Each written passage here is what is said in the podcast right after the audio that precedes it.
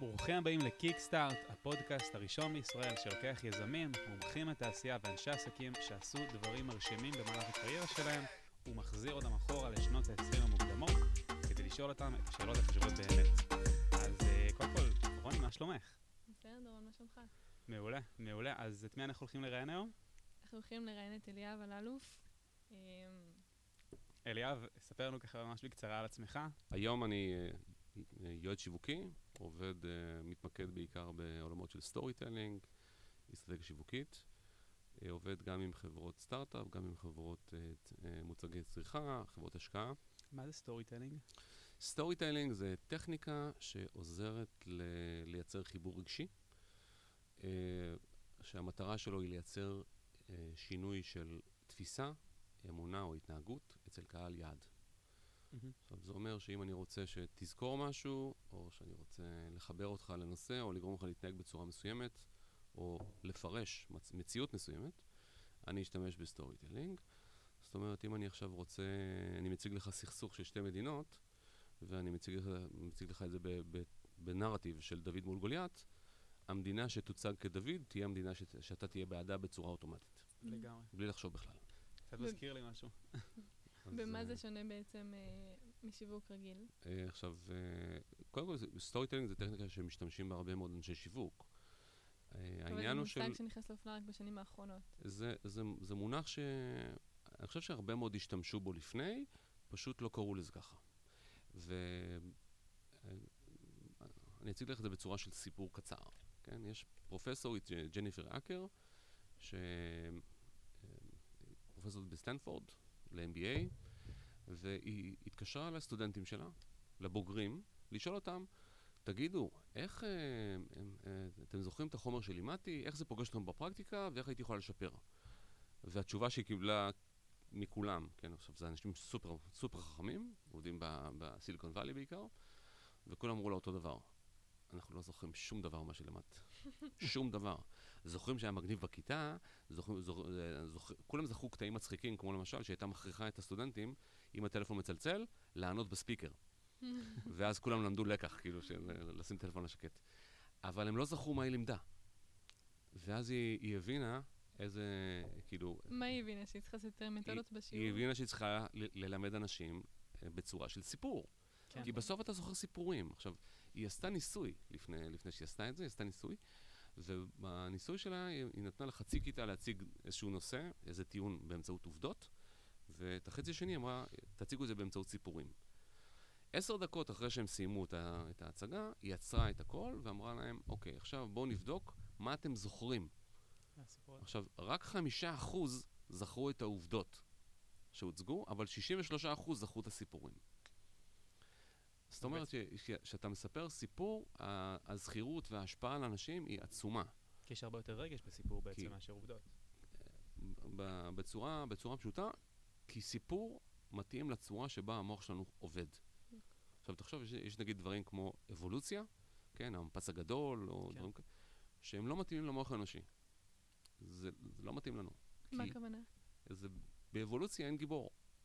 אהה, אוקיי. כאילו, אין, אין, אין גיבור, אין סיבה למה עשית את זה. אתה אומר, אין- אין סיפור הבריאה. זה יותר אמין פשוט? כי אנחנו יותר לחלוטין. מורגלים לחשוב ככה. הסיפור הבריאה הוא מתאים לאיך שאנשים חושבים. כי יש, גיבור, יש מישהו שעושה משהו, יש לו מטרה, כן. יש לו, כאילו, כאילו יש, יש סיבה למה שקורה. באבולוציה זה נוראי, זה משהו שקורה על, על פני מיליארדי שנים, זה רנדומלי לחלוטין.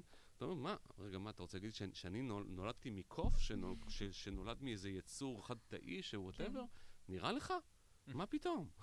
מעורב בזה הרבה הרבה רגשות של כאילו, אני נתקלת בזה, אני גם אה, כותבת ועוסקת בשיווק ותוכן וכאלה,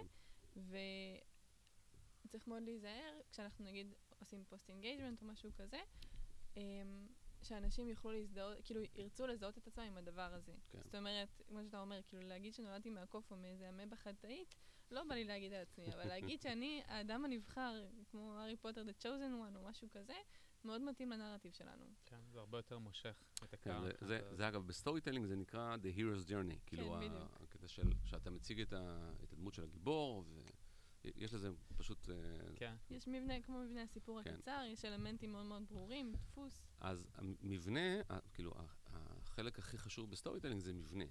והמבנה של סיפור, הוא אומר שאני אני בתור זה, הקהל שמקשיב, אני לא צריך לחשוב יותר מדי, כי אני כבר מכיר את הסיפור. אני פשוט ממלא את הפרטים החדשים. נגיד, כשאני שומע סיפור סינדרלה, אני כבר יודע שאני לטובת סינדרלה, כן? אתה בחיים לא שמעת מישהו אומר, יואו, כל כך רציתי שה, שאחת האחיות החורגות uh, תזכה בנסיך. אף אחד לא אומר את זה, נכון? כן, הגיוני. או אתה זה סיפור של דוד, וגו- דוד וגוליית, כן? מישהו שמעת אומר, יואו, איזה באסה שגוליית הפסיד, הייתי לטובתו. בחיים לא קורה. עכשיו, תחשוב על סרט כמו אישה יפה. מה זה אישה יפה? זה סינדרלה, זה אותו סיפור. זה- נכון. מתקשר ממש, לארכיטיפים וכאילו סיפורי מעשיות של תרבות. עכשיו, בגלל שהמוח שלך כבר מכוון לזה, אז נורא נורא קל לך להבין מי הטוב בסיפור ולטובת מי אתה.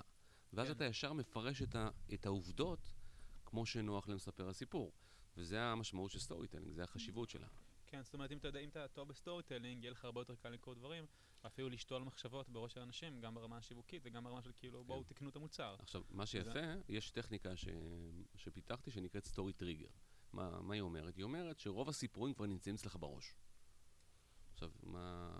כן, לדוגמה... שמספיק מילה אחת כדי להעיר של- את הסיפור כן, הזה. נגיד שאני רוצה עכשיו להכיר לך אה, בחור, ואני אומר לך, רוני, יש לי פה מישהו להכיר לך, הוא בחור מצחיק. איך הוא נראה? איך נראה בחור מצחיק? יש לך כבר את זה בראש. עכשיו, כן, לא נעים לה להגיד, אבל רוב, האנ... אה, אוקיי, אוקיי, כן. הבנתי. רוב האנשים חושבים שבחור מצחיק הוא לא בחור מושך. עכשיו, איפה, למה זה קורה? כן, רוב האנשים משתמשים במונחים כמו שמן, נמוך, ג'ינג'י וכולי. אה, אבל בעצם הם, הם מדמיינים מישהו שהם לא היו רוצים לצאת איתו. לא. אבל זה גם, אולי זה... העניין הוא שאם הדבר הראשון שאמרת עליו זה שהוא מצחיק, זה אומר שכאילו הדברים האחרים זה לא כל כך... אה, זה, זה, עכשיו, זה, זה בדיוק הנקודה, שאת מריצה בראש שלך את, ה, את ה, מה שנקרא pattern recognition כזה. יש לך תוכנה בראש, שהיא רצה אחורה על אלפי אנשים שהכרת, ואמרת, אוקיי, מי מהם היה מצחיק? למה הוא היה מצחיק? לא, כאילו, נגיד בכיתה, כן, מלך הכיתה היה נגיד, מצחיק? לא. מלכת הכיתה הייתה מצחיקה? לא.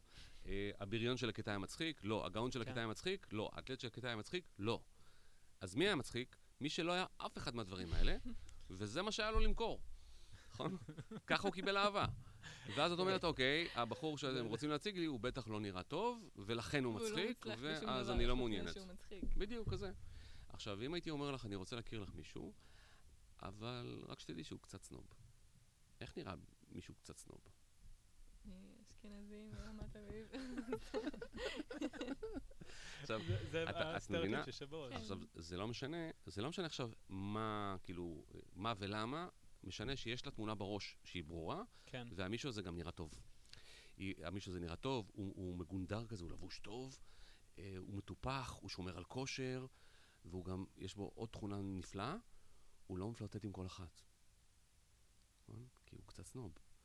אז זה, זה בחור שהייתה רוצה לצאת איתו, לעומת המצחיק. כאילו, אם צריכה לבחור בין המצחיק לבין הקצת סנוב. עכשיו, שים לב מה, מה קרה פה. ברגע שאמרתי משהו שהוא כאילו שלילי, המוח שלנו מפרש את כל, המש, את כל מה שחיובי בדמות.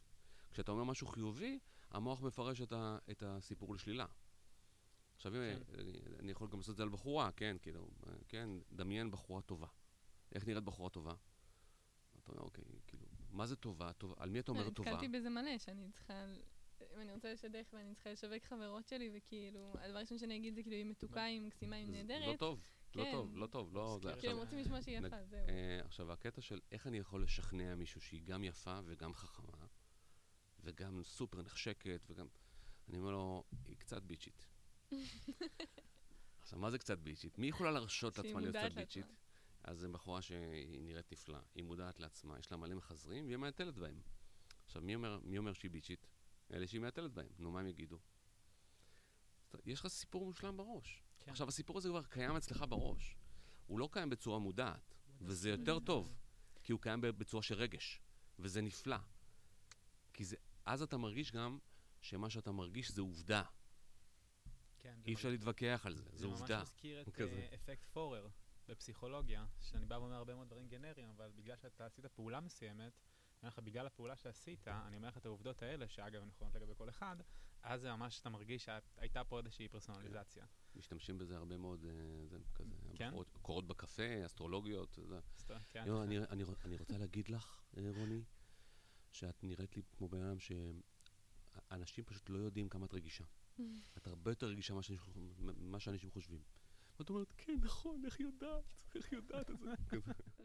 אתה מביא אותנו לנושא חשוב, שבמיוחד מעניין לדבר עליו איתך.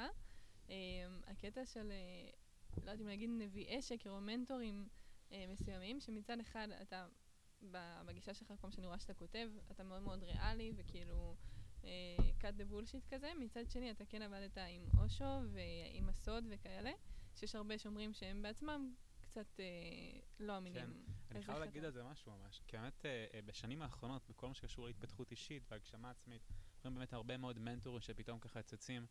אה, איך באמת מבדילים את זה? איך מבדילים מי טוב, מי רע, מי באמת יכול להועיל לי, כמו שאת אומרת, ולזהות מי, מה שנקרא... אה, משקר. לחסוך במילים, כן. כן, כן. כן, אנחנו לא רוצים להעליב, אה?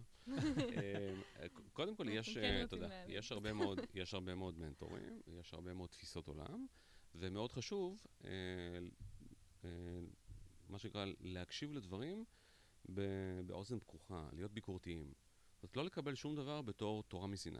מצד שני, אני כן. כבר אעיר על זה, אמ, שאנשים כשהם באים ללמוד, הם קצת מכבים את הביקורתיות, במיוחד אם הם חושבים שהם באים מנקודה פחות טובה. אז אני, אני יכול להגיד לך ש... תראה, אני, אני למשל, אה, אני, יצא לי לעבוד ולפגוש ו, וללמוד גם מהרבה מאוד אה, מנטורים, אה, מורים רוחניים, גם רבנים, ובכל בן אדם שפגשתי היה משהו.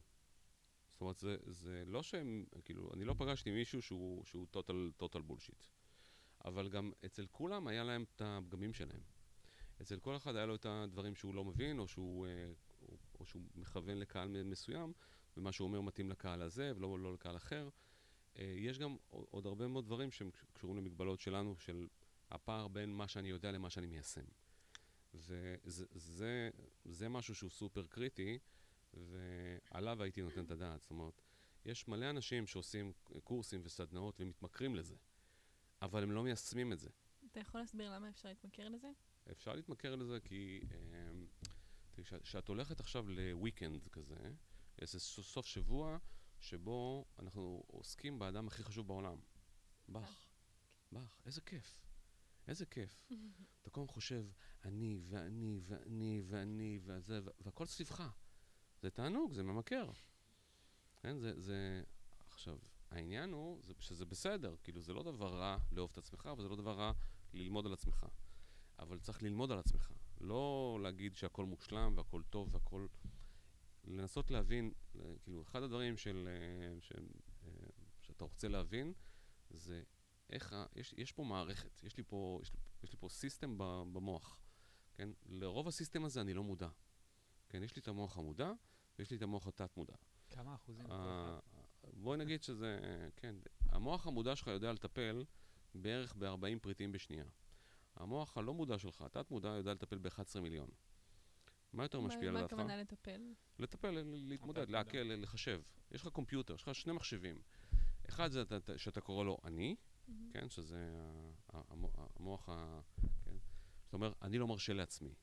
מי זה אני ומי זה עצמי? נכון? כן, אז מדברים על זה. האני זה בדרך כלל המוח שלי, כן, המוח המודע, והעצמי זה, זה התת-מודע, זה הרגש, זה כל, ה, כל הדחפים האוטומטיים, הרגלים וכולי. עכשיו, זה הרבה יותר חזק. יש uh, פרופסור, שהוא פסיכולוג גם, uh, ג'ונתן uh, היידט, שהוא הוא יצר אנלוגיה שקרא לה הרוכב והפיל. הוא אומר, המוח המודע זה הרוכב, הוא יושב על פיל. עכשיו, הפיל יותר חזק. עכשיו, אם הפיל מחליט שהוא הולך שמאלה, אז הפיל הולך שמאלה, לא יעזור כלום לרוכב, כן? כן. יש העניין הוא ש... הרבה גם בדיסוננס קוגניטיבי, שאתה כאילו מאשר את זה עצמך אחרי מעשה. בטיעונים קוגניטיביים. אז הרוכ- הרוכב כאילו עושה פוסט-טרנטליזציה והוא מסביר למה הוא התכוון בכלל ללכת שמאלה. אז עכשיו, אה, איפה זה בא לידי ביטוי? אני אתן לכם דוגמה, דוגמה מעשית. אתה נכנס לחנות יין, מתנגנת בחנות מוזיקה צרפתית, שנסון כזה. אתה, אתה, אתה ניגש למדף ובוחר שבלי. יין צרפתי. למה? בגלל המוזיקה. הכניסו אותך לאווירה. עכשיו, אתה לא יודע, כן. אתה לא יודע שזה בגלל המוזיקה. עכשיו, אתה, אתה, אתה מגיע למוכר, המוכר אומר לך, אה, בגלל השנסון הצרפתי בחרת שבלי? אתה אומר לו, מה? מה פתאום? אני באתי מראש בידיעה שאני בוחר יין צרפתי. אתה, אתה, לא, אתה לא מבין שזה השפיע עליך. עכשיו, יש לזה מלא סיטואציות של, אני אתן לכם דוגמה. דוגמאות. כן, זה ממש מעניין איך חברות משתמשות כן, בזה. נגיד יש, אה, עשו- כזה ניסוי בשוודיה בחנות לכלי בית. ושמו שומר בכניסה, שהוא מטר תשעים וחמש, כזה, אה, שהוא בודי בילדר, מפתח גוף כזה שרירי כזה גדול. עכשיו, הוא בחור צעיר, הוא נראה הרבה יותר טוב, והוא הרבה יותר חזק מכל האנשים שבאים לקנות. איך זה אמור לשנות את הקניות שלהם? לפי ההיגיון, שום דבר. לא, מה זה כי הם רלוונטי? מרגישים רע עם עצמם או משהו. אבל ה- ה- מס- מסתבר שהגברים הרגישו מאוימים. עכשיו, הם עוברים ליד השומר הזה, ה- ליד הפסל הזה, הם מסתכלים על עצמם, מסתכלים עליו, ואומרים, בואנה, אם היינו בסוואנה לפני אלף שנה, הוא היה קורע אותי, נכון? יש לי רק יתרון אחד עליו, שאני יודע לבשל, והוא לא. יש לי כסף. כן. ואז, ואז מה שקורה שהם.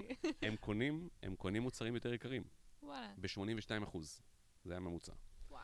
עכשיו, זה, זה אגב, על נשים זה לא השפיע, על גברים כן. ו- בדיוק יש איזשהו משהו שיכול גם להשפיע עליהם. עכשיו, יש, אה, עכשיו. יש, יש מלא כאלה. אז כן. נגיד, גברים למשל, אה, כמעט לא מסוגלים לנהל משא ומתן על מחיר עם אישה יפה. אם מה, יש- זה- זה מבוסס? זה אם יש? מוכרת, כן, אם יש מוכרת שהיא יפה, ממש יפה, לגברים נורא נורא קשה להתווכח על כסף. כי הם רוצים לצאת גברים מולה. כן, זה, זה, עכשיו, בוא נפרק את זה רגע. למה? למה?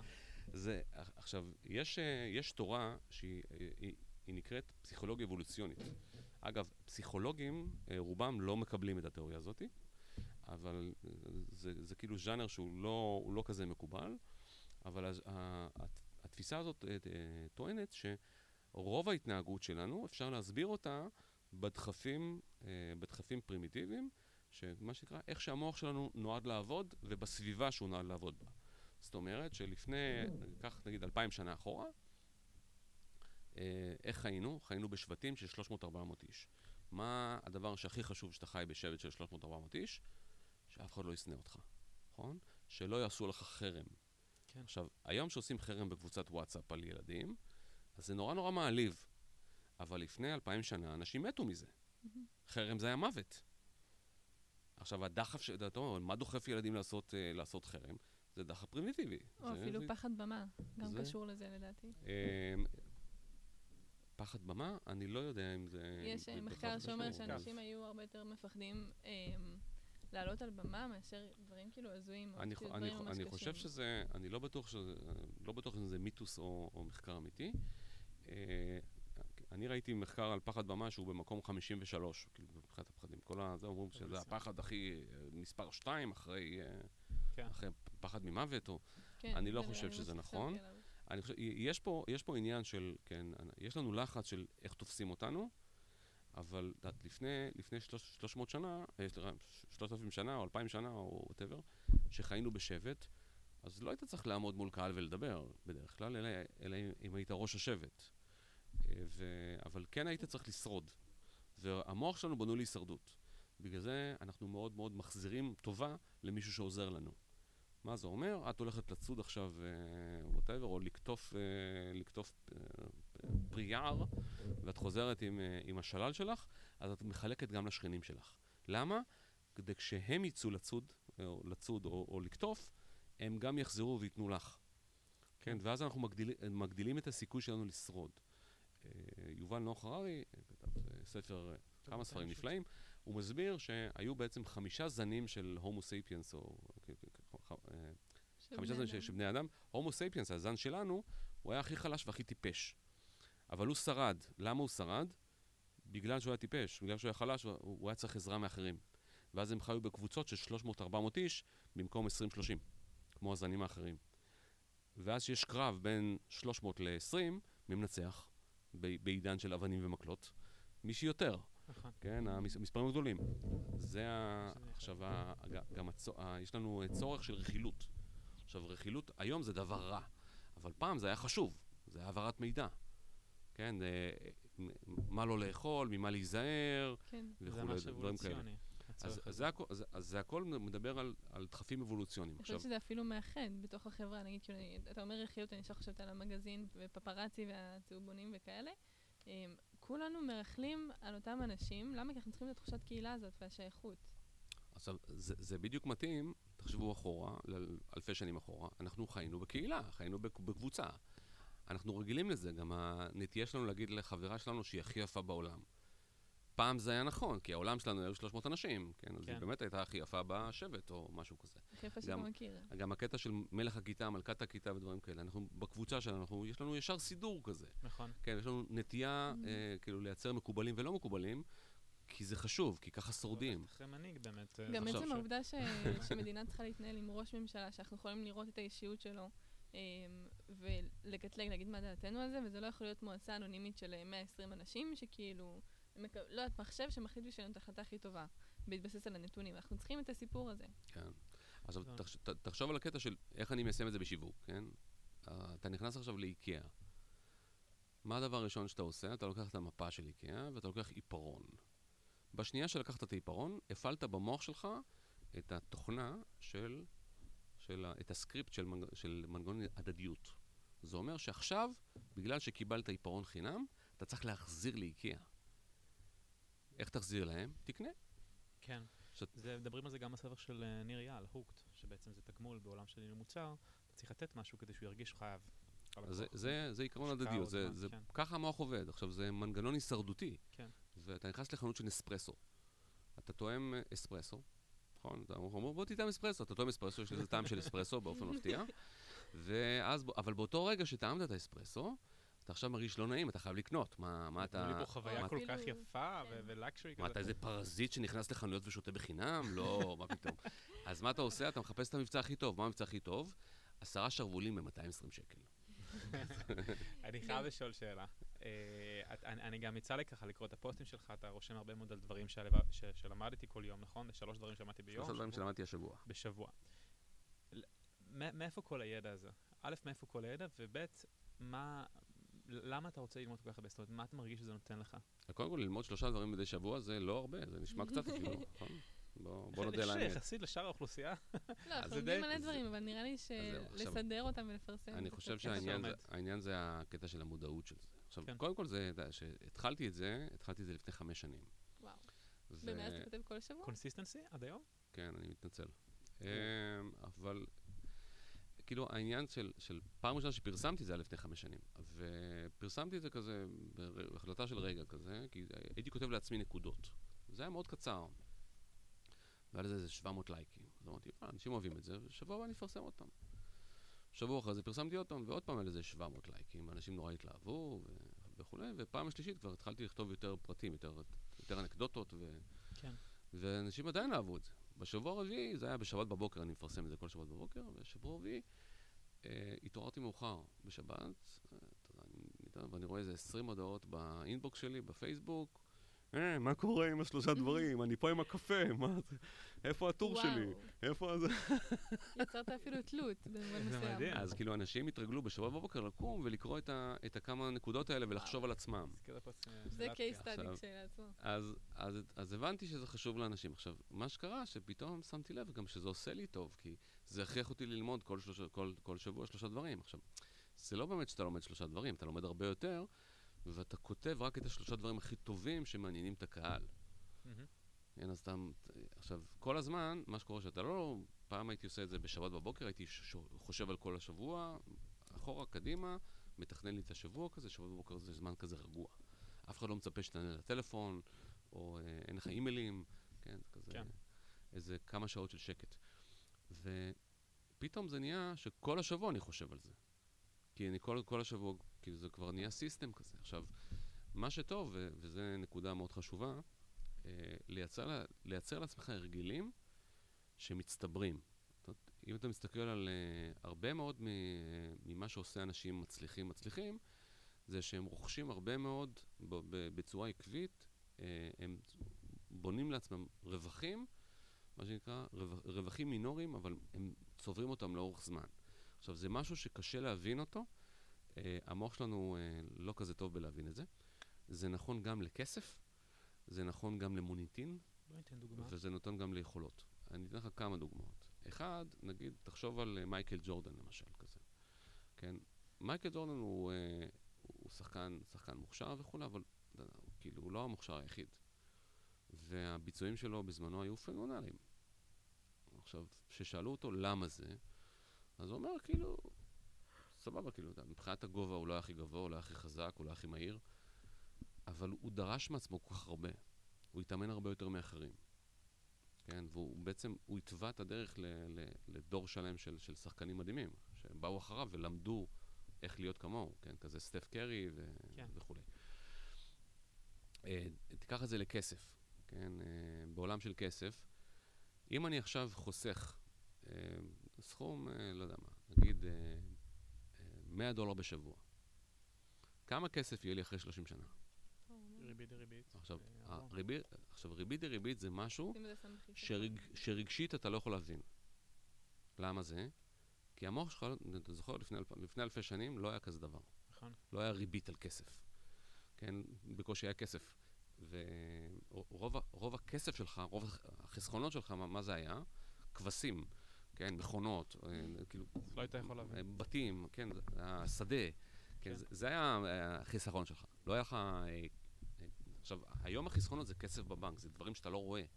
אז מבחינה רגשית, כן, אתה מבקש ממני לשים כסף שנגד הרגש שלי. אתה, לא, כאילו, זה, זה אקט שהוא לא טבעי. יש דוגמה נפלאה ש, ש, לתיאוריה הזאת שנקראת הצטברות של רווחים שוליים, של נבחרת הרכיבה הבריטית. כן, זו הייתה נבחרת הרכיבה הגרועה בעולם בערך, והם היו כל כך גרועים, שה, שהמפרסמים, המותגים, שהם היו קונים את המוצרים שלהם, היו מבקשים שהם יסתירו את הלוגו. לא שלא, אשכרה. זה, שיסתירו את הלוגו, ש, שאף אחד לא יקשר את המותג עם, החברה, עם, ה, עם הנבחרת הכושלת הזאת, נבחרת רכיבת על אופניים. וקיבל את התפקיד של לנהל את הביצועים שלהם אה, בחור בשם דייב בר- ברלספורד, היום הוא סר ברלספורד. ומה שהוא עשה שם, הוא לקח את התיאוריה הזאת, הוא אמר, אין רעיון גדול, אין שום דבר אחד שיכול לעשות את ההבדל. כן, נכון, בדרך בדרך כלל כשאנחנו מחפשים, מה סוד ההצלחה? כאילו יש דבר אחד שצריך לעשות. לא יכול להיות. זה, זה הטבע האנושי, אבל זה בדרך כלל לא נכון. כן, זה, אנשים רוצים באמת תשובה אחת פשוטה. אנחנו רוצים. תשובה פשוטה, אבל המציאות לא פשוטה. המציאות היא גם לא מעכשיו לעכשיו. אנחנו רוצים שזה יהיה מעכשיו לעכשיו, אבל זה לא ככה. מה, מה הוא עשה? הוא אמר, אין דבר אחד גדול, יש הרבה דברים קטנים. מהמם. הוא אמר, שיפורים של אחוז אחד. כן, מצטברים לאורך זמן ל- למשהו שהוא משמעותי. עכשיו, מה הוא איך עשה שם? אנחנו מיישמים את זה בעצם ליום-יום? את האחוז ב- אחד כל יום. אז אה, כאילו, אני, אני אומר שכל אחד צריך למצוא את, ה, את הדבר שלו. אני, מה, ש, מה שאני עשיתי, זה התחלתי לעשות את השלושה דברים שלמדתי מדי שבוע, ויצרתי לעצמי ס- ס- סיסטם שיכריח אותי ללמוד ולהתפתח. ואז אני חייב ללמוד כל הזמן, אני חייב פוקוס. ללמוד, אני לא כן. יכול. כן. עכשיו, בהתחלה שהתחלתי עם זה, זה היה כאילו, זה היה כאילו רעיון לא פרקטי. כאילו, אף אחד לא ישלם לי על זה, נכון? על זה שאני כותב טור בפייסבוק, זה בחינם, פייסבוק. כן. אבל אחרי, אחרי שאתה עושה את זה שנה, שנה וחצי, שנתיים, אנשים פתאום כותבים לי, מה עם ספר? מה עם ספר? אמרתי, אוקיי, אז הם אמרו ספר. אז אמרו. קל להגיד ספר, נכון? אבל כשצריך לשלם, פתאום אנשים נעלמים. אז אמרתי, הנה, הנה לינק, שמתי להם לינק, אמרתי אתם רוצים? הנה סולק, ויהיה ספר. לא, לא סלקתי, אין, אין ספר. אז אנש, שמתי לינק ממש, כאילו, אנשים שילמו, כאילו, העבירו לי 17,000 שקל. עכשיו, לא כתבתי. לא כתבתי מה יהיה בספר, על מה הספר. 17,000 שקל רגע, יש העבירו. כאן כמה אלמנטים חשובים. אחד זה באמת כאילו המחויבות החברתית שדחפה אותך כן. להתמיד בזה ולשפר את עצמך. כן. אמ, שתיים זה הקביעות, שבאמת כאילו לאורך, אתה אומר חמש שנים, אתה עושה זה, את זה כבר. זה, זה, זה התמדה, כן, זה כן. עכשיו, ההתמדה. אתה יכול להתמיד במשהו. אתה יכול להתמיד במשהו שהוא, שהוא חשוב לך, שהוא מתאים לך, זה לא, זה לא עונש בשבילי. עכשיו, הקטע של, זה הפך להיות חלק ממי שאני. זה לא שאני עכשיו, אתה יודע, אה, השבוע אין לי כוח לכתוב. זה לא משהו שאני עושה, למה זה... לא? אני- אני נתקלת בזה כל הזמן. כי, כי יש הבדל, יש הבדל בין משהו שזה, שזה, שאתה עושה למשהו שהוא אתה. יש הבדל בין עשייה להוויה. אין כן. בעיה, אני מבינה את הטרמינולוגיה. מעניין, מעניין. מה ההבדל אני בעצם? אני אתן לך, דוג- אני אתן לך דוגמה שלילית, כן? כן. שאתה, אם עכשיו מישהו נותן לך סיגריה ואתה מעשן, אתה מעשן. כן, אתה מעשן, זה פעולה. כן. אבל אתה לא בן אדם מעשן. זה לא מי. שאתה. הבנתי. עכשיו, אדם שהוא מעשן, לא יכול להפסיק לעשן, כי זה מי שהוא. בן אדם שעכשיו לקח סיגריה או מעשן פה ושם, הוא אומר, כן, זה משהו שאני עושה, אבל זה לא מי שאני. בעצם בעצם אז נקודת ההנחה הזאת הופכת מי שמעשן למעשן, רק שהוא חושב שהוא כבר, רק ביום שהוא מכניס רק שהוא. רק שהוא הוא מתחיל. אה, אתה, אתה, איך אתה מתחיל לעשות משהו, כן, אה, כן, איך אתה הופך להיות בעם שמתאמן? אתה מתחיל עם אימונים, אבל באיזשהו. שלב זה הופך להיות חלק ממי שאתה, מה, Mm, מהדימוי שלך, כן, אתן לך דוגמה עם חיסכון, כן. כן, אני תמיד אומר, כאילו, אני התחלתי לחסוך 100 שקל בשבוע, בחודש. עכשיו, 100 שקל בחודש זה שזה כלום כסף. אז אתה לא יכול להגיד לי שאתה לא יכול לחסוך 100 שקל בחודש. עכשיו, שמתי חיסכון 100 שקל בחודש. אחרי חודשיים הסתכלתי על עצמי ואמרתי, "אה, 200 שקל, וואו.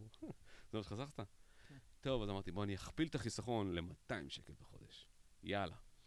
אחרי, עוברים עוד חודשיים, אני מסתכל, יש לי 600 שקל, וואו, איזה סכום עתק. טוב, טוב, אני אגדיל, אני, אני אגדיל את זה עכשיו ל-500 שקל. בסדר? ואז אני מגיע לסוף שנה, ויש לי שם כסף לסוף שבוע באילת. כן. שום דבר. אתה אומר, אוקיי, אבל מה קרה פה? התוצאה היא עלובה, כן? התוצאה היא, כאילו, חסכת, וואטאבר, 5,000 שקל. שטויות. אבל זה לא מה שמשנה.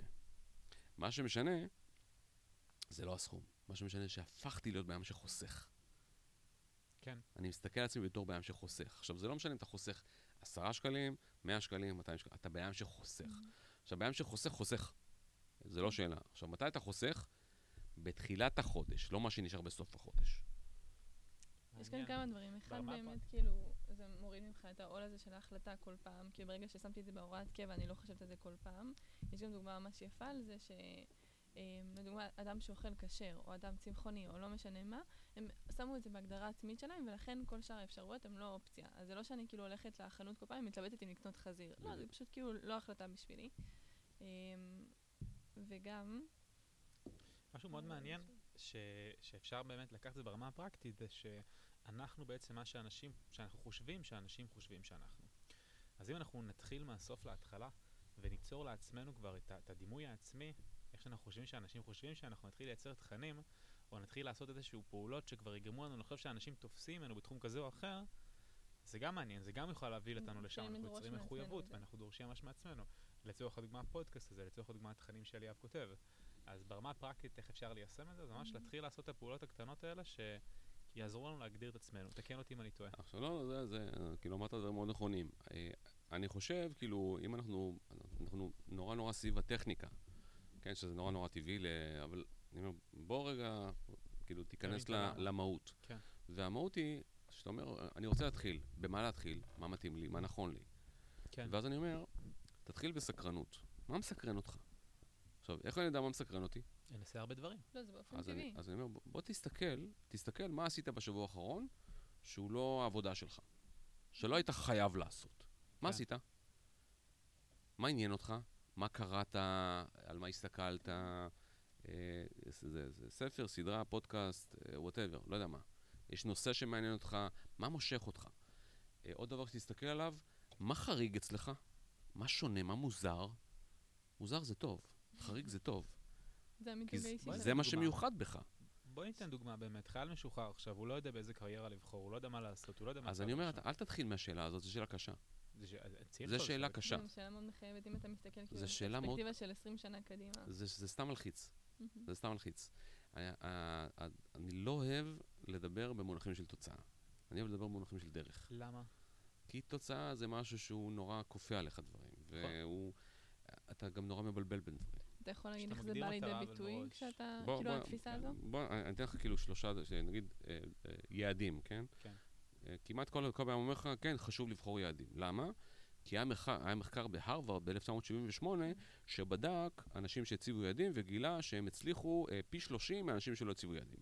עכשיו, קודם כל לא היה כזה מחקר, זה שקר. דבר שני, תש, תשמע מה אמרת. מה זה אומר הצליחו? הצליחו בכסף? למה מישהו שנהיה. רופא או שופט או, או עיתונאי הוא לא הצליח? הכל זה כסף? עכשיו, דבר שני, תחפש את המחקר הזה, הוא לא קיים. אם לא מדברים רגע על מחקר ואין זה אז אני מדבר, עכשיו, קודם כל, זה שאנשים משתמשים בסיפור שהוא לא אמיתי על יעדים, כבר אמור לא- לעורר חשד. דבר שני, יעד, יש שלושה, אני יכול לחלק את עולם היעדים לשלושה סוגים. יש יעדים שאתה יודע שאתה, שאתה, שאתה מבצע. כן, נגיד, אני אומר לך, אתה יודע להכין חביתה? כן. לא אמרתי אם אתה יודע להכין חביתה ממש טעימה או אומלט. חביתה, אתה יודע להכין? כן, יודע, שם את הביצה על המחבת, קצת אה, מרגרינה או שמן או זה, מערבב אותה, ויש חביתה. כן. כן, לא אמרתי שזה טעים. יודע להכין. אוקיי. זה, זה נקרא לזה יעד אחד. יעד, יעד מסוג שני, זה יעד שאתה לא יודע, אתה לא בטוח שאתה יודע לעשות, אבל סביר להניח שאם תעבור תהליך, אתה תצליח. כן, כמו ל- ללמוד נהיגה, או לעשות תואר שני במנהל עסקים. למה? כי אתה יודע שאם תגיע לשיעורים ותקשיב ותעשה את הבחינות ותעשה את ה... אתה תסיים את התואר. רוב האנשים מצליחים. רוב האנשים מצליחים בזה, נכון? כן, זה נקרא סוג שני. עכשיו, יש סוג שלישי. סוג שלישי של יעדים זה יעדים שאי אפשר להבטיח. אין שום, אין שום ודאות. למשל, אה, איך עושים 20 מיליון דולר? עכשיו נגיד, מה זה מרתון? לרוץ מרתון? לרוץ מרתון זה מספר 2. נכון. כן? אבל להקים חברה ש, ש, שתעשה אקזיט, זה יעד מספר 3. זה, יש שם יותר מדי משתנים לא ברורים, בדיוק. ואין דרך אחת ברורה נכונה לעשות את זה. עכשיו, מה שקורה שאנשים מציבים יעדים, או גם אנשים ש, שהם מנטורים שמלמדים אותך, כן, הם נותנים לך דוגמאות של עולם 2, של יעד מס, מספר 2, ו, ו, ומקווים שתפרש מזה, אה, שתשליך את זה על יעד מספר 3, על סוג, על סוג השלישי. כן. כן. עכשיו, לרוץ מרתון ולהקים חברה שתעשה אקזיט, זה שני דברים שונים לחלוטין. אין קשר. אין קשר בין זה לזה. אז אתה אומר, כן, אבל זה התמדה, אז אתה לומד. לא, מרתון זה שיטה, זה system. להקים שאלה. חברה שזה, כאילו... נכון, השאלה אם אתה מסתכל על זה בצורה שיש מתודולוגיות ו-best practices, איך שהם נוהגים לקרוא לזה כן. בתעשיית ההייטק, שאתה יכול למדל אותם וללכת באותם דרכים, אם נגיד מחלקים את זה נגיד למיילסטון של הקמת חברת סטארט-אפ, שנגיד את כל השלבים, אבל פחות נדבר ברמה מקצועית, אבל זה כי, אני, למה אני אומר את זה? כי יש מקום, ש... בוא נדבר רגע על, על YC, Y Combinator, אני מניח שאתה מכיר את האקסלרטור, כן. שאיכשהו כל הסטארט-אפים. שמגיעים לשם, רובם הצליחו. כי יש מתודולוגיות אה, שמשתמשים לא, בהם. לא, מה- מה אתה חושב על זה? קודם כל, לא, לא, כאילו, לא... אחוזים, אחוזים לא, גבוהים משם. שנייה, שנייה, לא. זה לא, אתה לא יכול להגיד שרובם הצליחו. מה שאתה כן יכול להגיד, וזו נקודה מאוד חשובה, שהסביבה מאוד משפיעה על הצלחה. כן, מה זה אומר? תסתכל נגיד על אה, כמה מקומות בעולם יש סטארט-אפים. במלא מקומות. איפה הסטארט-אפים הכי מצליחים בעולם? סיליקון. סיליקון ואלי. בכמה? בערך, אה, אם אתה לוקח את ה-20 שנה האחרונות, בערך משהו כמו אה, שלושת רבעי מהערך שנוצר בעולם, נוצר שם בכמה מאות דונמים של סיליקון? ואלי. ערך, כסף. כסף, אקזיטים. כן. אוקיי, 75 אחוז. אוקיי. עכשיו, איך זה יכול להיות? זה לא שהם חכמים יותר מן הסתם. זה? כי הם כולם, כולם ב... יש, להם, יש להם- סביבה שהיא מאוד מאוד תומכת, היא מתאימה לזה. עכשיו, אם אתה הולך נגיד בוורשה פולין, ואתה רוצה להקים סטארט-אפ, כן, ואתה הולך לא- לעורך דין ואתה מבקש ממנו חוזה, כי אתה רוצה לגייס את אה, רוני לתפקיד אה, מנהלת שיווק, כן, ייקח לו עשרה ימים להכין לך חוזה. כן, אם אתה הולך בתל אביב או בסיליקון וואלי, אתה מבקש חוזה, החוזה אצלך תוך שעה. החוזה שתקבל מהעורך דין הפולני יהיה עם טעויות.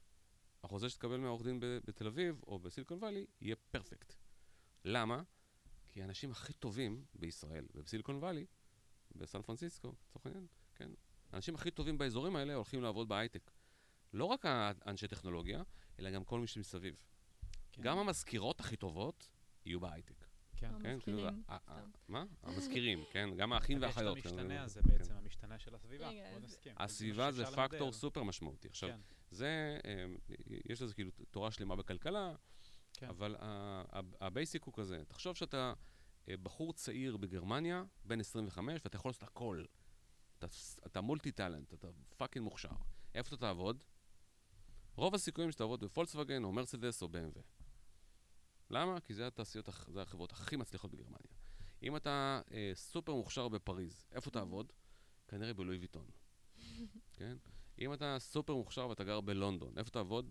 כנראה באיזה בית השקעות או חברת ייעוץ לונדונית.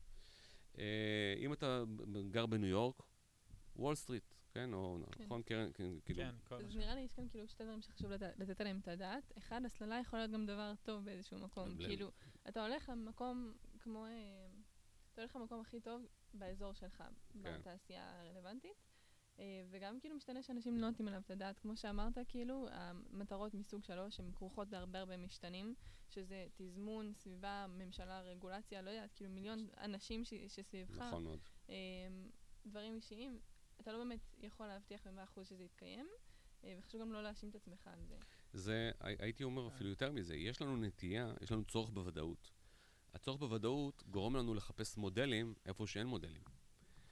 אה, זאת אומרת שהרבה אנשים יש להם כללים של איך להקים סטארט-אפ. נגיד, אה, אתה, אתה הולך למשקיע, הוא אומר לך, אני, אה, אני רוצה שיהיו, אה, נגיד, אה, אה, צוות של שניים או שלושה אנשים, אני רוצה ששניים יהיו טכנולוגיים ואחד עסקי, אני רוצה שהם יהיו אה, עם רקע כזה וכזה, אני רוצה שהם יעשו אקזיט לפני, אני רוצה... כאלה, רשימה כן. כזאת. יצא לי לדבר בזמנו עם 20, אה, עם 20 מהאנג'לים הכי טובים בארץ. ועשיתי עשיתי להם כזה, כמו סקר כזה של 11 שאלות.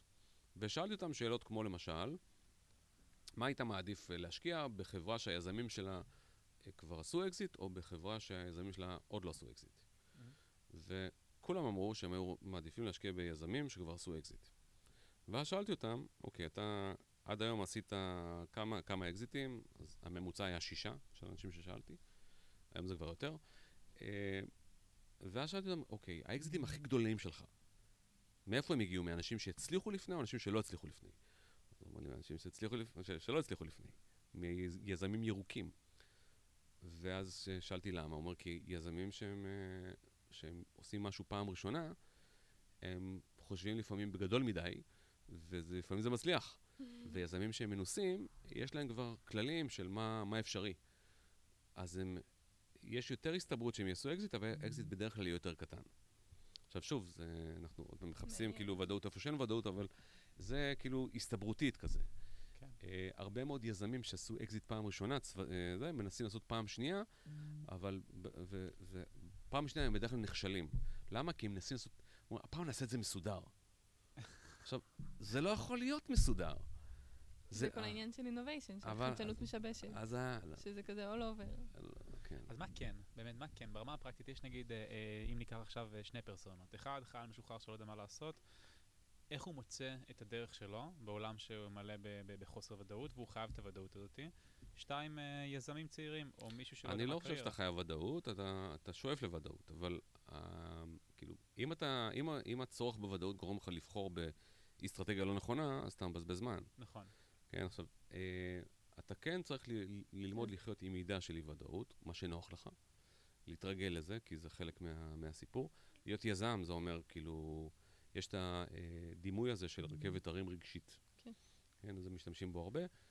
זה, זה, זה חלק מהעניין, אמרת כאילו, כאן משהו חשוב, באמת, כאילו, אמ, א', לא להיות מונע מהפחד הזה, או כאילו מהרצון לוודאות בצורה שמשבשת לך את המוח, כאילו אתה אומר כזה, אוקיי, לא יודעת מה, להיות רואה חשבון זה קריירה בטוחה, אז אני אלך לשם, למרות שזה בכלל לא מתאים לך. והדבר השני זה לדעת כמה מידת אי-ודאות מתאימה לך באישיות.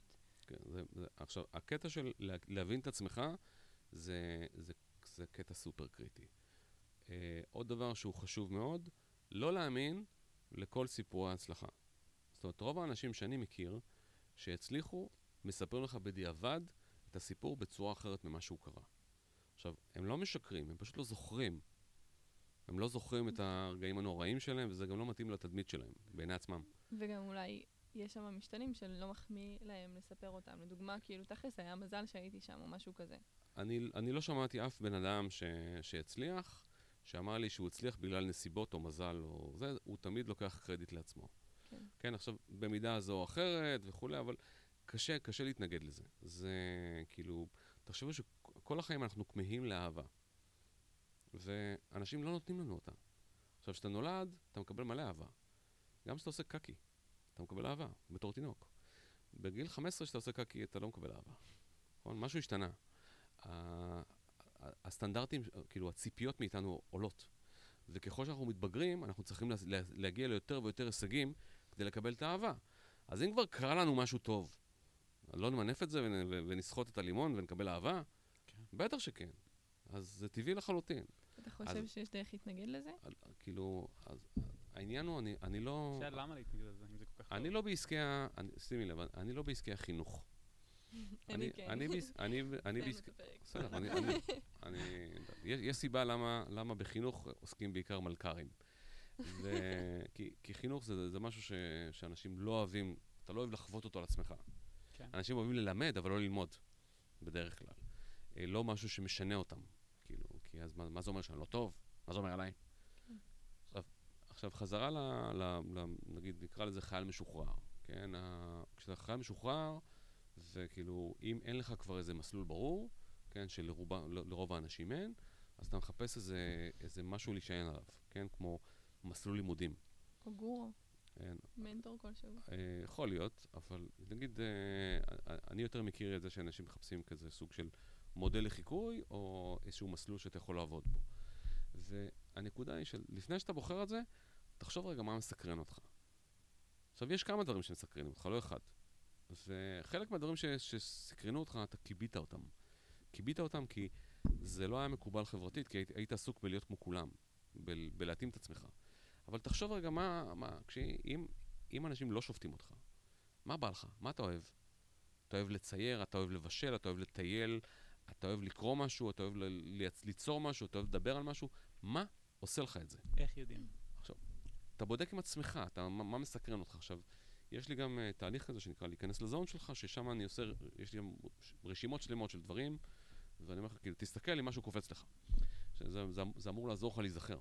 אבל זה שלך בסוף, אין משהו שהוא נכון.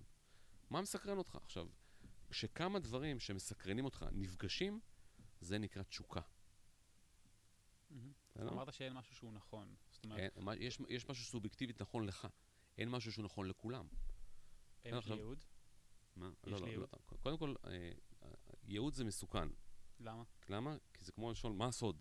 נכון. כי אתה מניח, אחד, שזה משהו שאני רק צריך למצוא אותו, ואני אומר לך שרוב הסיכויים שלי צריך לבנות אותו, לא למצוא אותו. ודבר שני, יכול להיות, יש ספקטרום של יהודים. למה אחד? יש לך, אם אתה אדם, אדם מוכשר, יש לך כמה דברים שאתה יודע לעשות. אתה צריך לבחור מה אתה הולך לעשות. כן. עכשיו, ככל שאתה תהיה יותר טוב במה שאתה עושה, יהיה לך יותר אפשרויות. ואז יהיה לך יותר קשה, כי תצטרך לבחור. אז... זה לא. קושי נראה לי שאנשים מעדיפים מאשר שאין לך אפשרויות. זה, עכשיו, אני, כאילו, אני לא, אני לא, אני, יותר קל לחשוב. זה לא עניין של, של להעדיף או לא, זה כל אחד עם, ה, עם הצרות שלו, כן, אבל אה, אני אומר, תתחיל, ב, תתחיל בסקרנות. הצמתים של הסקרנות, שיש לך כמה, כמה סוגים של סקרנות, שנפגשים, זה תשוקה. כשהתשוקה עוסקת בך, זה תחביב. כשהתשוקה עוסקת באנשים אחרים, זו משמעות. עכשיו, משמעות, משמעות של, של החיים שלך תמיד עוסקת באחרים, לא בך. כן? אם אתה אומר, אני, אני רוצה להרגיש מלא, אני רוצה להרגיש שאני... ש... זה תמיד עוסק במה אתה נותן לאחרים, לא מה אתה מקבל. לא מה אתה צובר. כן. כן, מה אני מעניק. עכשיו, השלב ה... יש, יש עוד שלבים אחרי זה, אבל כאילו, תגיע למקום הזה, שאתה, שאתה עוסק במה, במה, אני, במה אני טוב ומה אני יכול לתת לאחרים. עכשיו, יש לזה עוד, עוד מלא...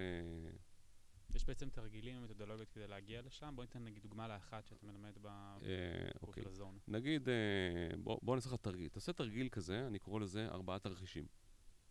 תרחיש אחד, תיקח את הדבר שאתה עכשיו מתעסק בו. כן, נגיד אני עכשיו, כן, אני, אני עובד בתפקיד ג'וניור, ווטאבר, באיזה חברה. כן. עכשיו השאלה שלי אליך זה איך אתה עושה לזה אופטימיזציה, כדי שבתסריט הזה, הוא מתעסק באיך אני משפר את, ה, את ההצלחה שלי כאן, במשימה הספציפית הזאת. אז אתה אומר, אוקיי, אם אני, אם אני אהיה יותר טוב במה שאני עושה, אם אני אהיה uh, יותר קשוב לבוס, אני אבין מה הבוס צריך, אני אעשה לפ... דברים עוד לפני שהוא מבקש ממני, אני אלמד כל מיני דברים, אני אדע... איך להיות מצטיין בתחום בעצם. עכשיו, עכשיו אני, גם, אני גם מפרט מה זה אומר. עכשיו, בסוף אבל, זה אופטימיזציה עוסקת ב, בלשנות משהו אחד קטן, או בגישה שלי או בפעולות שלי, זה אומר או, או לעשות משהו או להפסיק לעשות משהו, שמייצר לי תוצאה. אני אתן לך כאילו, אה, כאילו דוגמה, דוגמה פשוטה. אז אה, דוגמה, נגיד שאתה, נגיד שאתה עכשיו, אה, לא יודע מה, מורה, כן? אתה, אתה מורה שמלמד, אה, שמלמד אה, ילדים והם ממש מעצבנים אותך. אתה אומר, די, אתה, כאילו אולי לא נועדתי להיות מורה. אז אני אומר לך, אוקיי, אל תפסיק להיות מורה, כן? אלא אל תל... תהיה מורה של ילדים מעצבנים. אלא תלמד, ת, תלמד קהל אחר. תחליף קהל. פשוט תעשה את מה שאתה עושה, רק תעשה את זה לקהל שהוא שונה. עכשיו, זה יכול להיות אולי, כאילו, זה לא אומר שה, ש, שילדים זה לא הקהל שלך, או אולי ילדים באזור מסוים זה לא קהל שלך, או ילדים מסוימים זה לא קהל שלך. לכן מאוד מאוד חשוב למקד בכל, אה, יש שיטה כזאת שנקראת אה, Adaptive Leadership, או כל מיני דברים כאלה, אה, שבאמת להתייחס לכל דבר כלמידה, כסוג של חקר. ואז באמת אני מגיעה לאיזושהי קריירה מסוימת, או עבודה, הזדמנות, לא משנה מה, אה, והיה לי טוב בדברים מסוימים, והיה פחות טוב בדברים אחרים. חשוב מאוד לעשות את התהליך הזה של הסקת מסקנות אחר כך, כדי להבין מה בדיוק היה טוב, מה אהבתי ומה לא. ואז אם אני אומרת, כאילו, היה לי כיף נגיד להכין את השיעורים, אבל לא היה לי כיף אה, הבעיות משמעת בכיתה. אז אני יודעת שאולי אני צריכה מקום שיש בו פחות בעיות משמעת, בין אם זה לעבור אזור או ללמד אנשים מבוגרים שפחות יהיה את זה שם. למשל, זה, זה, אמרת שם משהו ש, ש, שמאוד אהבתי, וזה הנקודה של הפרספקטיבה שלנו. עכשיו, יש אה, פרופסורית אה, פסיכולוגית שנקראת קרל דווק, שהיא... אה, שהיא עם ה-growth mindset. כן, growth mindset. עכשיו, מה, מה היא אומרת? היא אומרת ב, ב, ב, בצורה פשוטה. היא אומרת, בכל סיטואציה, כאילו, תחשוב רגע, מה זה אומר הצלחה? יש אנשים שהצלחה זה אומר, אה, הוכחתי שאני יותר טוב מאחרים. ויש אנשים שעבורם הצלחה זה אומר ללמוד משהו חדש. עכשיו, אם אתה חי בעולם של לנצח אחרים, החיים שלך יהיו נורא נורא תחרותיים ונורא מתסכלים ונורא שטוחים. ואם אתה חי בעולם של אה, ללמוד, אז גם כשקורה משהו רע, אתה עדיין מצליח. כי למדת. נכון? כי למדת עוד משהו. זהו, עכשיו, איך להגדיר את זה מראש בעצם? אתה, אתה, אתה, אתה צריך להיכנס ל mindset הזה, אתה צריך להיכנס לתפיסת עולם כזאת. אתה עכשיו- לומד על עצמך גם מה עכשיו עושה רוב- לך טוב. עכשיו, רוב האנשים, באיזה, באיזה תפיסת עולם הם חיים? הם חיים בעולם של טוב או לא טוב.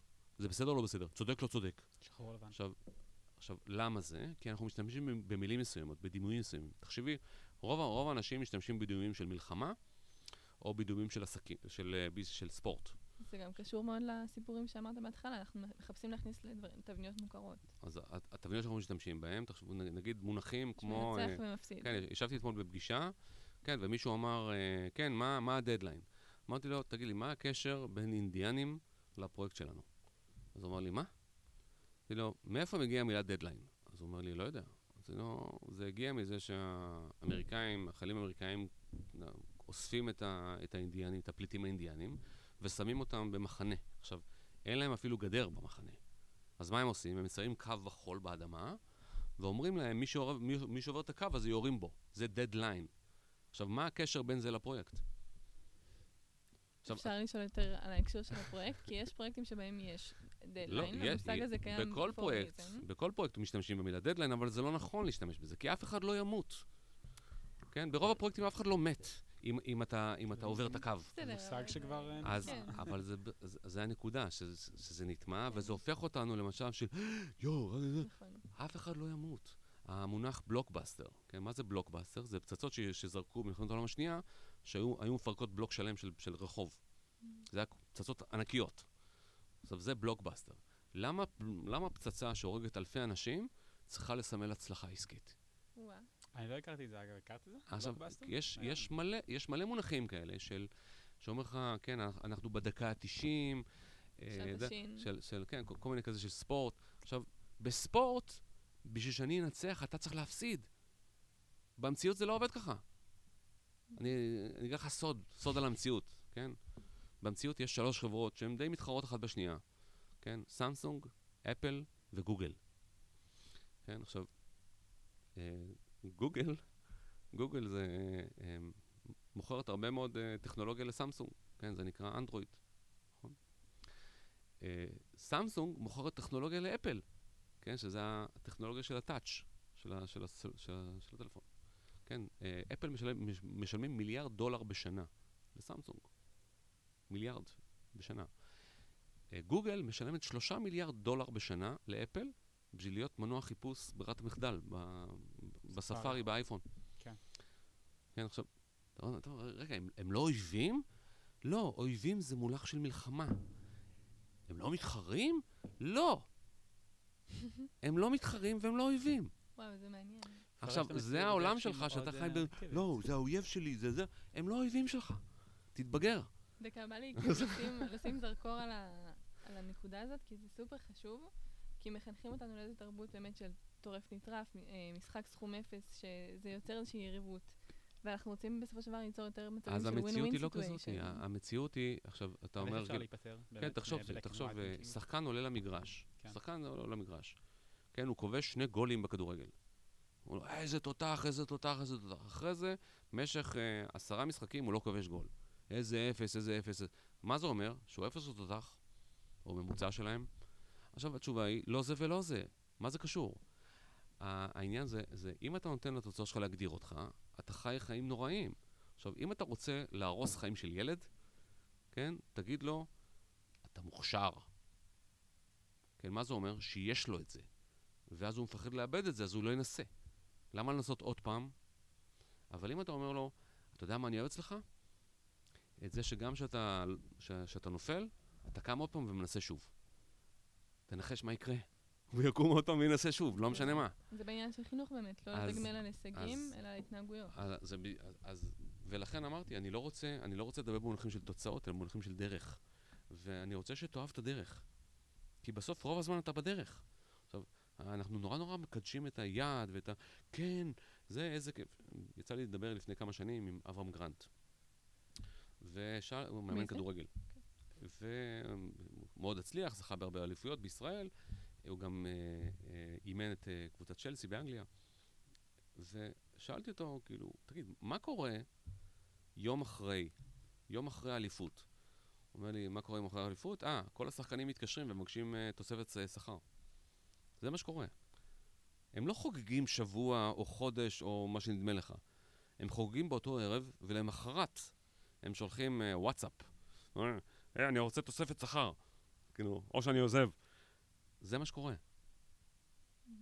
זאת אומרת, אנשים לא חוגגים ניצחונות, ולא זה, והם לא מאושרים, והם לא... זה, אותו רגע זה נחמד כן. מאוד. למחרת אתה כבר, אתה כבר מרגיש שמגיע לך יותר, שדופקים אותך, שזה, שזה, אתה כבר מתכונן לדבר הבא. צריך להוכיח. כאילו, לא עוצרים רגע באמת אה, חושבים. עכשיו, זה, אבל זה מה שקורה שאתה חי בעולם של תוצאות. שחרר את העניין הזה. אה, האתלטים הכי מצליחים בעולם, זה בדיוק האתלטים האלה, שאומרים, כאילו, אני, המשימה שלי זה לעשות את הכי טוב שאני יכול בכל רגע נתון. זה לא משנה אם הצלחתי או לא. לפעמים אני אצליח, לפעמים לא. אם אני יודע שיצאתי לשם למגרש כל הזמן, נתתי את המקסימום שלי, מעולה. עכשיו, תחשוב על, אה, על קטע של... אה, עכשיו, מה מאפיין אותך? מה מאפיין אנשים שבאמת מצליחים? כשהם עושים את זה, גם שלא בא להם, כן? לפעמים אני קם בשבת בבוקר, ולא בא לי לפרסם אה, טור של שלושה דברים שלמדתי השבוע, זהו, לא ענית על זה בפעם הקודמת שהגענו לנקודה הזו. כן? אני גם כותבת, ובא לי, יש דברים שבא לי לפתח, או שהייתי רוצה לכתוב פוסט כל שבוע, ואני יודעת שזה יהיה מעולה, כאילו, לכולם, זה יהיה win-win situation. אבל אה, לא, לא יודעת, לא מוצאת את הזמן, לא תמיד יש חשק, לא תמיד יש על מה לכתוב. אז איך מתמודדים עם אז, זה? אז, אז, העניין הוא, כאילו, קודם כל, המקום שמגדיר אותך, זה בדיוק איך אני מתנהג כשלא בא לי. כי כשבא לי זה קל. כשיש לי מוזה, כשהכול נחמד, כשכולם אוהבים אותי, זה קל. מה קורה כשיש ביקורת עליך, שיורדים עליי? מה קורה כשלא ישנתי בלילה? מה קורה כשאני חולה? מה קורה כשאתה, וואטאבר, אתה, אתה הורה לילדים והתינוק בכה כל הלילה? מה קורה אז? אז אתה נמדד, לא כשקל ונוח. זה הרגע. כן. ושם אתה רואה באמת מה, מה אתה עשוי, וכמה אתה מחויב לדבר. מצד שני, איפה המקום באמת, כאילו, לתת מקום לנפש, או כאילו, זה לא, לא זה לשבור סות- את זה לא עצמך. סותר את ה... זה לא אומר לשבור את הנפש. עכשיו, אם לא. אתה, אם אתה עושה משהו שהוא באמת, אה, שהוא באמת במקום שלך, אתה צריך... אחד ה... יש ל... לנייבי סילס, יש להם ביטוי מאוד יפה, שנקרא Embrace the suck. מה זה אומר? זה בתרגום אה, חופשי, זה תחבק את הבאסה. כאילו, תמיד יהיה באסה. לא יכול להיות חיים בלי באסה, לא יכול להיות אה, חודש בלי באסה, לא, לא, לא קיים, כן? אין אף אחד אחר ש, שהחיים שלו קלים ופשוטים, זה לא יכול להיות, כן? חלק, מיומנות מאוד חשובה בחיים זה ללמוד להכיל את זה, לסבול את זה. עכשיו, אתה ת, תעשה הרצאה, כן? תמיד יהיה בן אדם בחדר שיגיד לך, "אה, זה זה, זה אידיוט, זה חרא של מרצה. אחד מתוך שישים. עכשיו, אתה יכול להגיד, וואי, כאילו, אה, נעלבתי נורא. אתה יכול להגיד, הגיוני שיהיה אחד כזה. אבל שוב, אני מרגישה שכאילו שאתה לא באמת עונה על השאלה. סליחה. אמ, לפעמים באמת יש את המקום הזה של משברים, או של אה, איזשהו מקום שאתה צריך בשביל עצמך. אמ, ולאו דווקא לחתור כל הזמן להישגיות הזאת. כמו שאתה אומר, כאילו אנחנו במושגים של מלחמה, במושגים של תוצאות וזה, ואתה כאילו קצת מחזק את האמירה הזאת עכשיו. אתה אומר, כאילו אני- לא אני- משנה איך את אני- מרגישה, בכל מקרה מבחינתי צריך לעשות את זה. הפרסום זה לא תוצאה. פרסום זה משהו שאני עושה. עכשיו, יכול להיות שאני אפרסם משהו, והוא לא יהיה מושלם, והוא לא, הוא לא יהיה וואו. אני לא מדברת ולא- על התוצאה, כאילו איך אבל- הפוסט יצא, אלא על- עצם הרגל. אז, עכשיו אז, לא בא לי בטוב לעשות את זה. מה אני עושה? זה, עכשיו, אני אומר, כאילו, הקטע של תוצאה זה אומר, אם אני אכתוב את המאמר, ו- ולא, אני לא אקבל מלא מחמאות. כן? ז- זה תוצאה, אבל לפרסם את המאמר, אני אפרסם את המאמר. no matter what. אצלי שם הבעיה, בלעשות את זה. עכשיו, הקטע של, יש משהו שנקרא אה, מחסום כתיבה. זה בא יש ככה, להתחיל עם משהו תעזור. לעשר- משפחות. כן, אל תעזור ל- ל- ל- למיליארד. נכון, זה נראה לי גם משהו שמאוד מאפיין את, הדור שלנו, אפשר להגיד, כאילו הרבה צעירים בכללי, מן הסתם גם בעבר היה את זה, שאנחנו רוצים כאילו את ה... להצליח בגדול ואת השם שלנו כאילו אה, באורות כן. גדולים, אבל כאילו בסופו של דבר הדברים, כאילו בואו תתחיל בקטן. אה, לרכזת שלי בשירות היה משפט קטן, איכותי ומצליח. תקחי- ת- במקום, אה, תיקח משהו שאתה. רוצה לעשות, משהו שאתה רוצה להיות, ולך תבדוק עשרה אנשים שעושים את זה, חמישה אנשים שעושים את זה. נגיד, אתה אומר, אני רוצה להיות מנכ"ל סטארט-אפ. בטוח? לך תדבר עם חמישה מנכ"לים, מנכ"לים של סטארט-אפ, ותשאל אותם איך נראה היום שלהם. מה הם עושים, מה הם לא עושים, על מה הם ויתרו, מה הם חווים, איזה רגעים נוראים יש להם, איזה, איזה תסכולים הם חווים. תשמע את הכל, לא רק את הצדדים היפים של התמונות של האקזיט עם השמפניה וה... ב Geektime. כן, כן, ממש ת- על תשמע את ה... כן. ת- תשמע מה... לשבור את עכשיו- הבועה. עכשיו, זה לא אומר שלא תרצה להיות, אבל פשוט תדע למה אתה הולך. כן. זה הכל. לא משנה איזה תפקיד זה. פשוט לך תדבר עם אנשים בתחום, ותבין מה אתה חולם. ותראה אם זה מתאים לך. יש לנו פה חומר אפילו כבר לשלושה פרקים, חשוב לומר שלושה. אז אה, קודם כל, אליאב, רוצה להגיד לך המון המון תודה, ככה, על הזמן שהקדשת ושהגעת לכאן, אה, ותודה רבה, רוני, על הפרק המדהים הזה. תודה, אה, דורון. בשמחה, אני, אני מסמיק פה. אה, הייתי רוצה לשאול אותך, איך אפשר לקרוא עוד חומר, ובאמת... איך אפשר להגיע אליך? כן. אה, יש לי אה, אתר אינטרנט שנקרא eliavalaluf.com. אה, יש בו בלוג, בבלוג הזה יש אה, הרבה traffic. 400 ומשהו מאמרים. אה, אני רוצה להגיד שאפשר לטבוע באתר הזה. כאילו, קראתי בשביל הראיון ולא רציתי להפסיק. יש שם משהו כמו 300 אלף מילים, בזה, אבל כאילו, אה, אני, אני קורא הרבה, אני מסכם הרבה, אני מתמצת הרבה, אני משתדל להיות מעניין ורלוונטי, אני, אני מאוד אוהב לשבור מיתוסים. אה, אני הרבה פעמים כאילו הולך לחומרים מקוריים ולראות לראות אם באמת פירשו אותם נכון.